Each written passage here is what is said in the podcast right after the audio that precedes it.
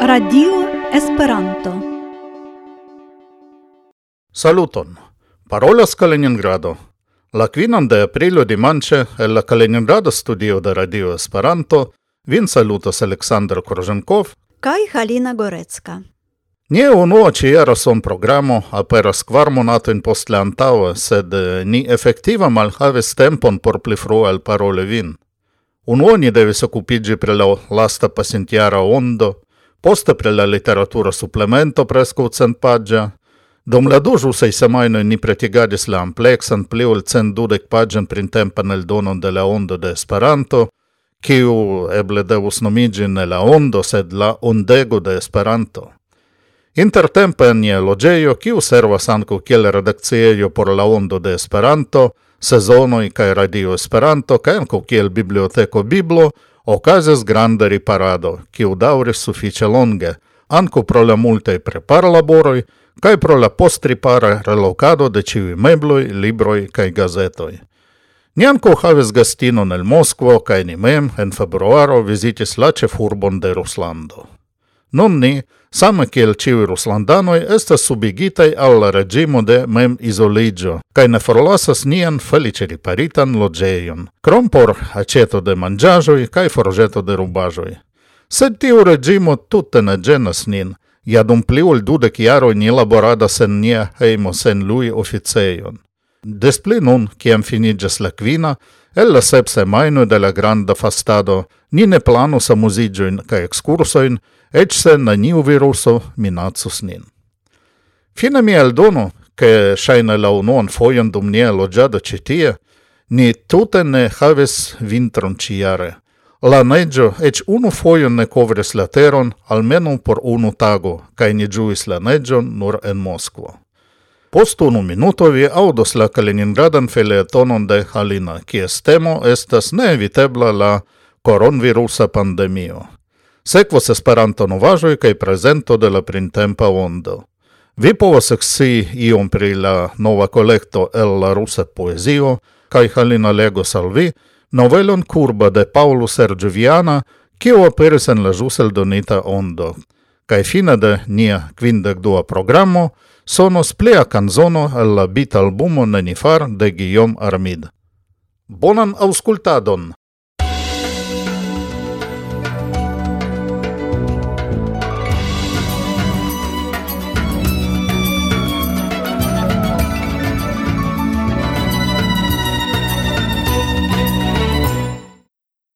Occidente de Ruslando, Калининградај novaĵoj.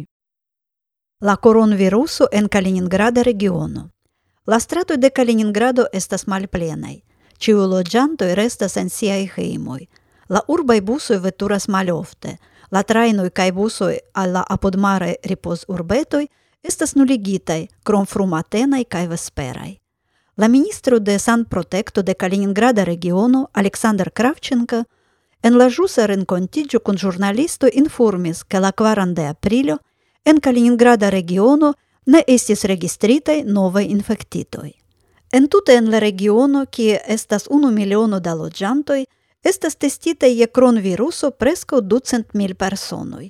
Inter ili estas dek naŭ okazoj da infektiĝo, kvin personoj jam resaniĝas, dek kvar daŭre malsanas.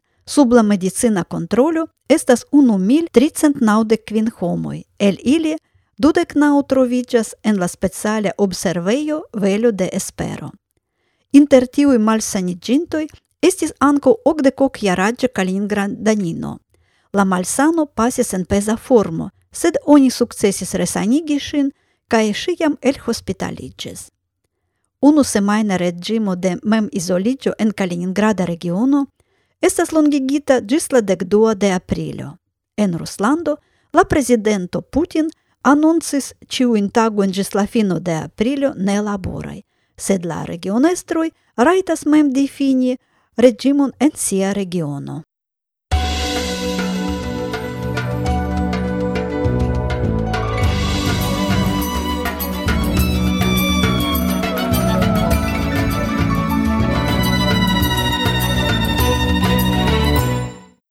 Esperanto novaĵoj.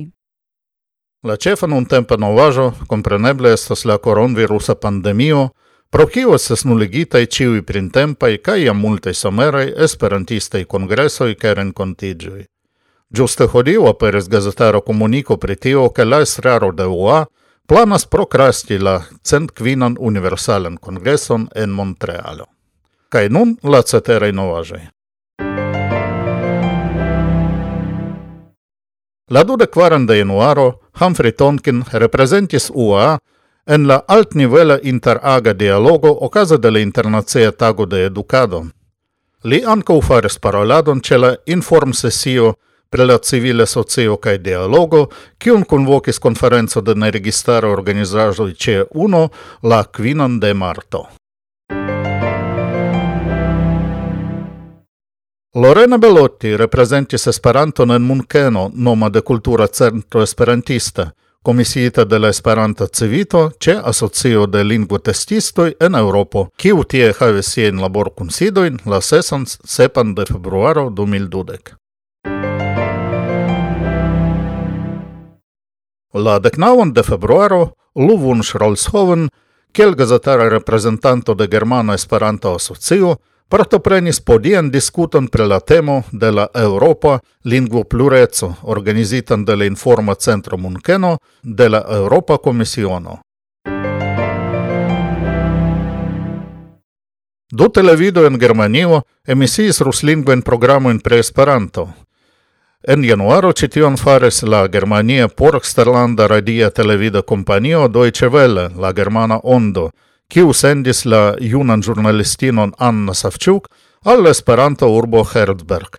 Ken februaro la privata televida kanalo Ost-West tutdiurna emisianta ruslingve ruslingven Berlino montris preskaŭ unuhoran programon, en kiu Jelena Minenkova konversaciis kun la konata esperantisto Alexander Galkin kaj Steve Cobb. En ĉi tiu programo aperis ankaŭ aliaj esperantistoj kaj estis montritaj pluraj esperantaĵoj. la Departamento pri nemateria kultura heredaĵo de Ministerio de Kulturo de Slovakio decidis ne listigi Esperanton en la nacia reprezenta listo de ĉi tiu heredaĵo de Slovakio, ĉar ĝi estas micitas internacia lingvo, kiu ne havas naciajn specifaĵojn. La 21 de februaro La Libera Bruselo Universitato organizis seminarion pri interlingvistico kaj planlingvoj por sesdeko da studentoj kaj docentoj. Posten konduko de doktoro Federico Gobbo la Universitato de Amsterdamo okazis fulmo kurso de Esperanto kun la prezento de la lingvo cae debato en kvar laborgrupoj. La Universitato de Sevilo, Hispanio, la upeto de studento starigis red kurson de Esperanto helpe de la programo Zoom. Post la resigno de Britio okazigi la sepdek sepan internacian junularon kongreson de Tejo, la estraro de Tejo decidis accepti le inviton de Corea Esperanto junularo cae oficiale anoncis, che la venontiaro Ioko okazos en la insulo Jeju, Sud-Koreio. Novo malrekordo estas registrita ĉe UEA.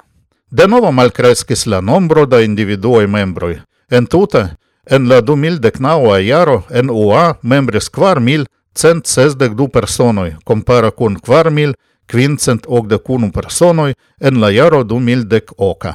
Malkresko je kvarcendek naŭ personoj.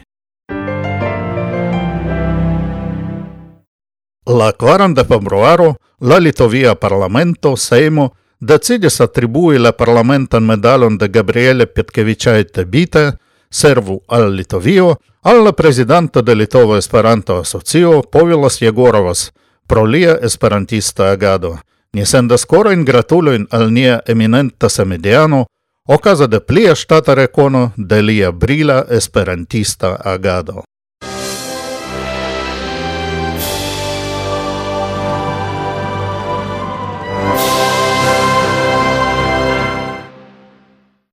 kaj nun Halina prezentos al vi la printempan eldonon de la Ondo de Esperanto.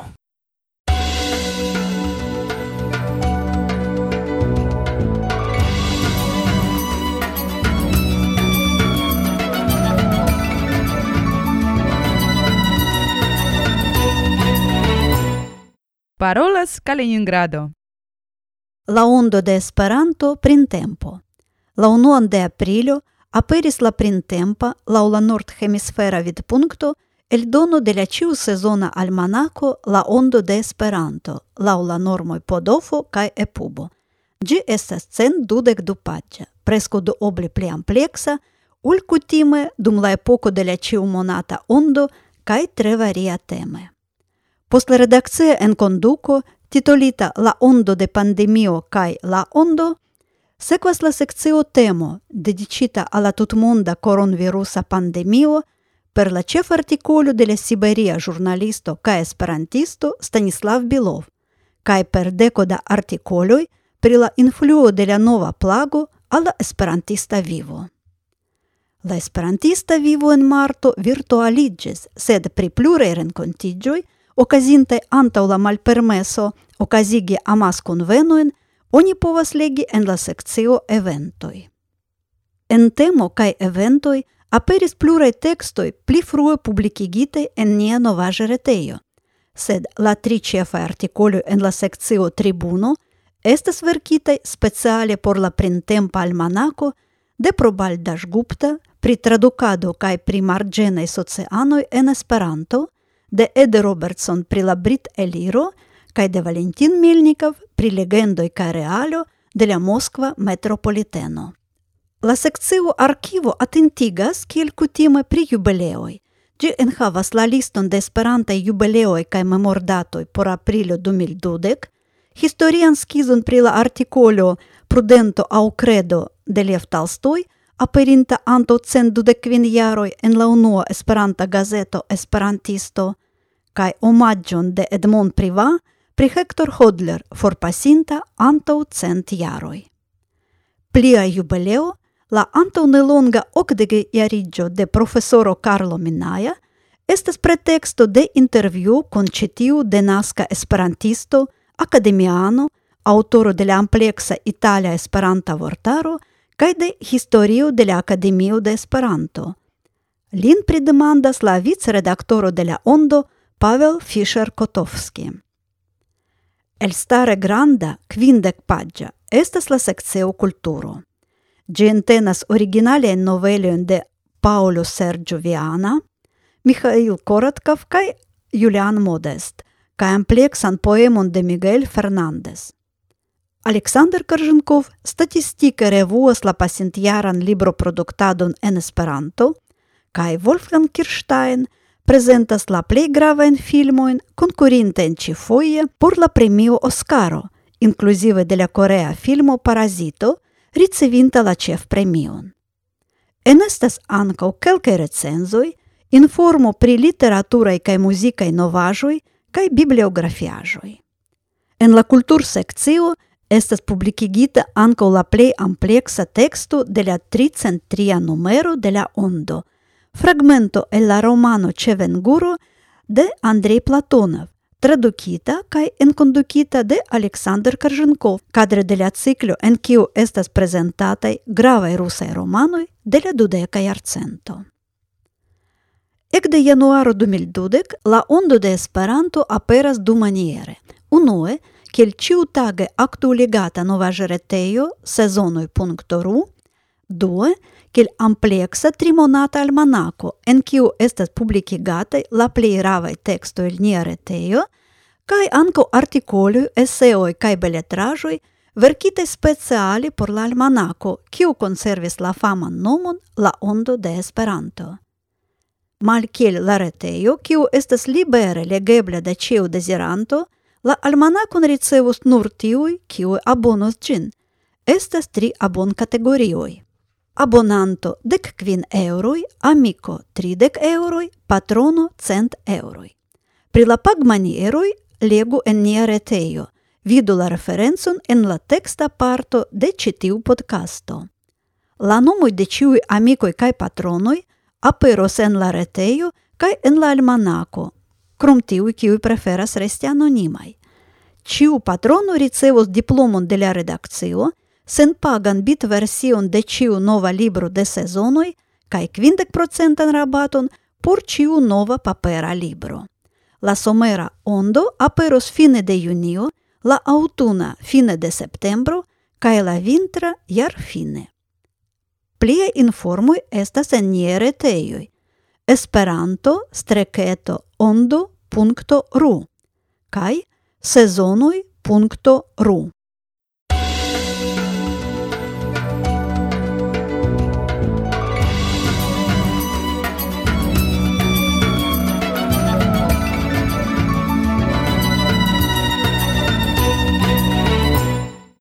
Radio Esperanto. Daŭrigante la tradicion, la redakcio de la Ondo de Esperanto publikigis kiel literaturan suplementon por la 2019 jaro la poemaron el la rusa poezio. Ĝi entenas cent unu verkojn de dudek du aŭtoroj, ekde Mihail Lomonosov ĝis Konstantin Romanov.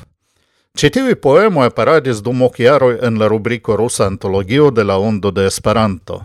Aldona estas enmetitei kelki traducoi, kiui pro loco manco ne povis esti presite en la papera ondo. La proponata poemaro ne pretendas esti neta antologio de la rusa poesio por la pritractata cent quindeciara periodo, char la electo de la poemoi ne eviteble respegulas la literaturan guston de la traducinto, nia redacciano Valentin Melnikov. Pro tio ni trovas en ĉi tiu volumo ekzemple pli multajn humuraĵojn, satirojn kaj epigramojn, ol kutime estas en simile antologioj de la rusa poezio, sed tio tutte ne senvalorigas ĉi tiun eldonaĵon, kiu je la nuna tempo estas la plej reprezenta antologio de la klasika rusa poezio en Esperanto. La novan bitlibron pretigitan laŭ la normo Podofo senpage ricevis ĉiuj pasintjaraj abonantoj de la Ondo de Esperanto kaj ciui novai abonantoi, amikoj kaj patronoj de la Ondo. Ne abonantoj povas ricevi la poemaron el la rusa poezio nur contru la abonpago por la jaro 2012. Grave, aboninte la Ondon por ĉi tiu jaro, oni ricevas la rajton ricevi la completoin de la Ondo de Esperanto por la jaroj 2017, 2018 cae kaj en tute 33 numeroj sur pli ol ducent paĝoj kaj la literaturaj suplementoj por la respektivaj jaroj. Kaj fine, por doni etan ekzemplon, aŭdu la kvarversan poemeton Rememoro de Vasilij Žukovskij. Pri la kunuloj karaj, kies vivo flu, por ni la mondon igis hele brile, ne diru kun sopir ne plu, sed kun dankemo, estis ile. Temas pri unu el la poemetoj, pri kiuj antaŭe oni kutimis diri ke ilin konas ĉiu ruso. Ve, la lego kulturo degeneras, sed eble iu el vi memoras la originalon. А милых спутниках, которые наш свет своим сопутствием для нас животворили, не говори с тоской их нет, но с благодарностью были.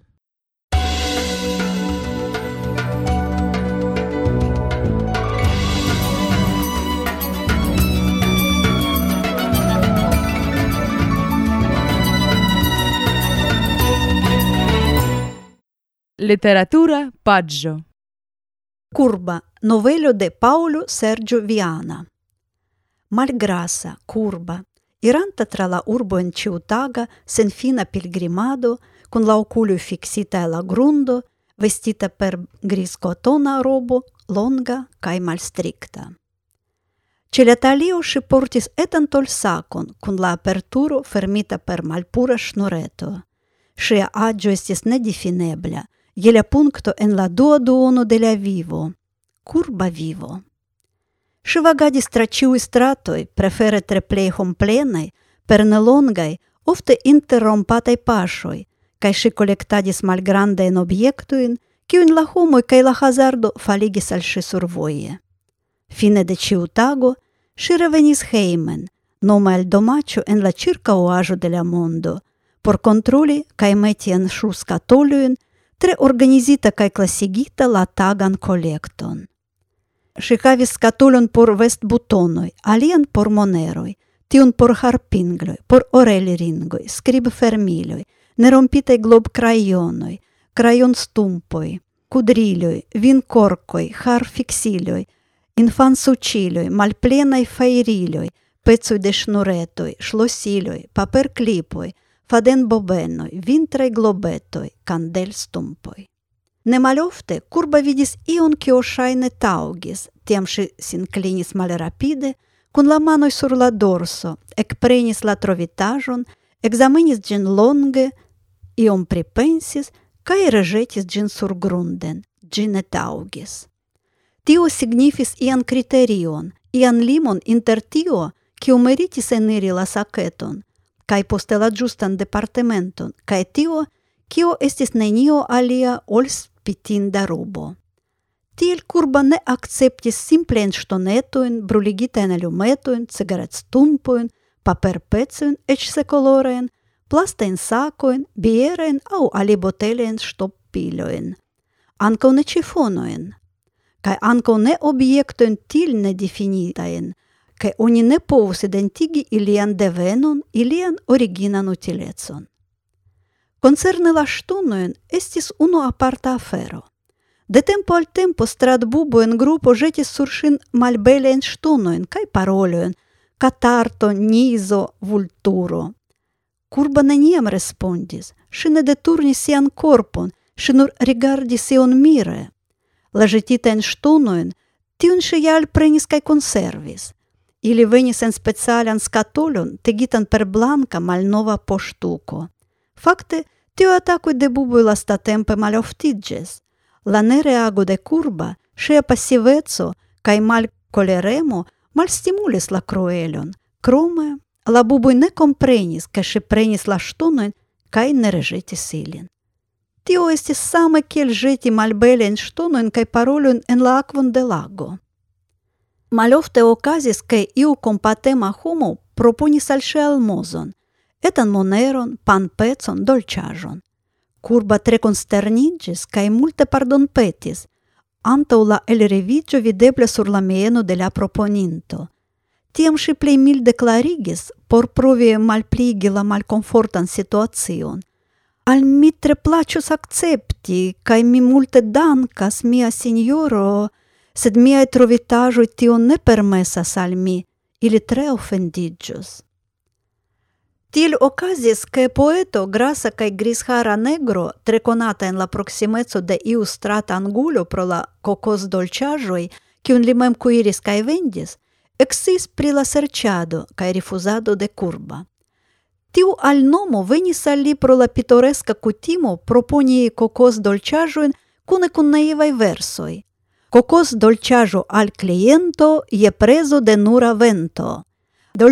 Al vi mi proponas, simile neniu conas. Prenu quar, pagu por tri, vi restos fidelia al mi. Se en la vivo vi solas, poeta dolciajo consolas. Se mancas cocos dolciajo en la deserto, la vivo farigas deserto. De la dolciajo dilemo, ciu la simpla au cun cremo. La vivo pli placas, se vi cocos dolciajon machas. Mangiu sentime, la poeto cuiras estime. Audaza cocos dolciajo convenas, se la vivo vin genas. Tia vendo strategio bone funkciis. La klientoj shatis la extravaganza in versoin, kaj fine alcetis la dolciajoin, kiu cetere ne estis la plei bonaj, sed ja la plei malmulte costai ec curba haltis por iom riposigi la oculoin cae ausculti la versoin de poeto. Unu tagon poeto starigis captilon, ciam li vidis, che curba venas ce las extremo de la trotuaro en sia cutima collectado, li faligis moneron sur locon, kie certe devos pasi. Kaj li sidigis apude por observi. Si venis, clinicis, cae prenis la allogajon, tian valorajon, til facile videblan. Tiam šek vidis la vizaĝon de poeto, kiu bon humoro ridetis. Kurba komprenis la aranĝon kaj trankvile demandis: Ĉu vi lasis ĉi tien la moneron? Ne mi, iu alia faligis ĝin. Kurba ne scipovis kontesti. Unu fojon prenita, la monero al ŝi apartenas, eĉ se la aranĝo estis nehonesta. Poeto kaptis la okazon kaj aldonis. Do acetu de mie cocos dolĉaĵon per tiu monero, ci vi preferas blankan au brunan? Blankan. Curba pagis, prenis la dolĉaĵon cae metis gin en la sakon de trovitae obiectoi.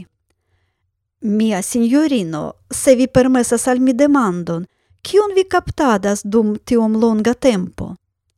Mi captas tion, kion la homoi faligas. Kial? Mi volas compreni kion la homoi faligas. Kai curba, kiu neniam parolis ne cridis, tiam ridetis dolce. Poeto serioziĝis. Nu, ancau mi estas stratkolektanto. Unu tagon mi trovos verson, kiu valoras pli ol cocos dolciajoi. Kiam li finis sian frazon, curba jam trovigis tri pasuen for sur la trotuaro, ciam cun la okuloj turnitaj malsupren. Tui poste ŝi clinicis, prinis etan perditan objekton, zorge metis ĝin en la sakon kaj antaŭen iris. Citiu novelo aperis en la printempa eldono de La Ondo de Esperanto.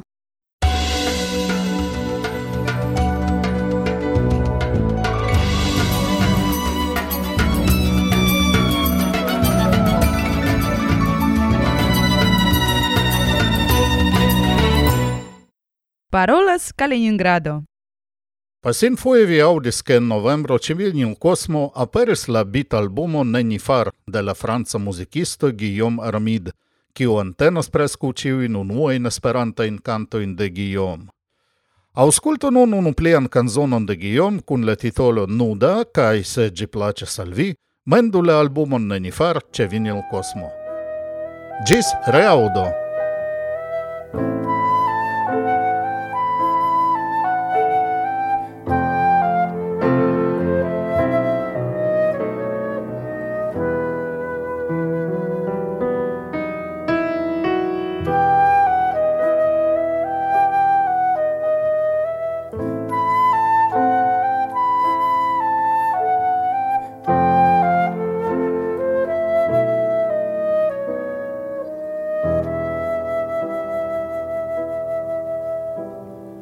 jen fin fine mia tuta ver?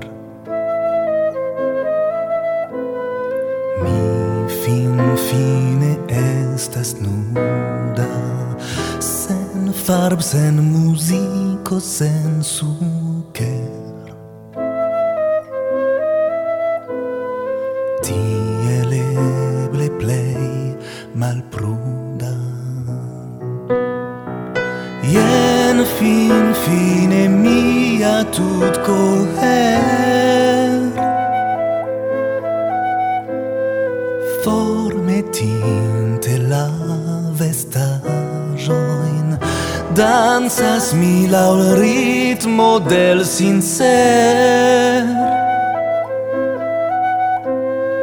nur ligas honestaĵojn jen fin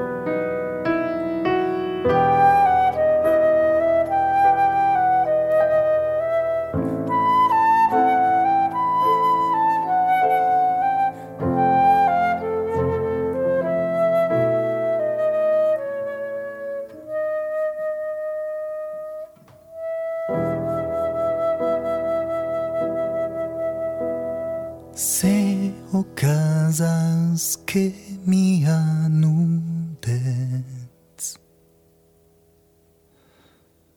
Estas salvi malomaggio ne admonu min al plida dets Daure vastas la peisaggio. thank you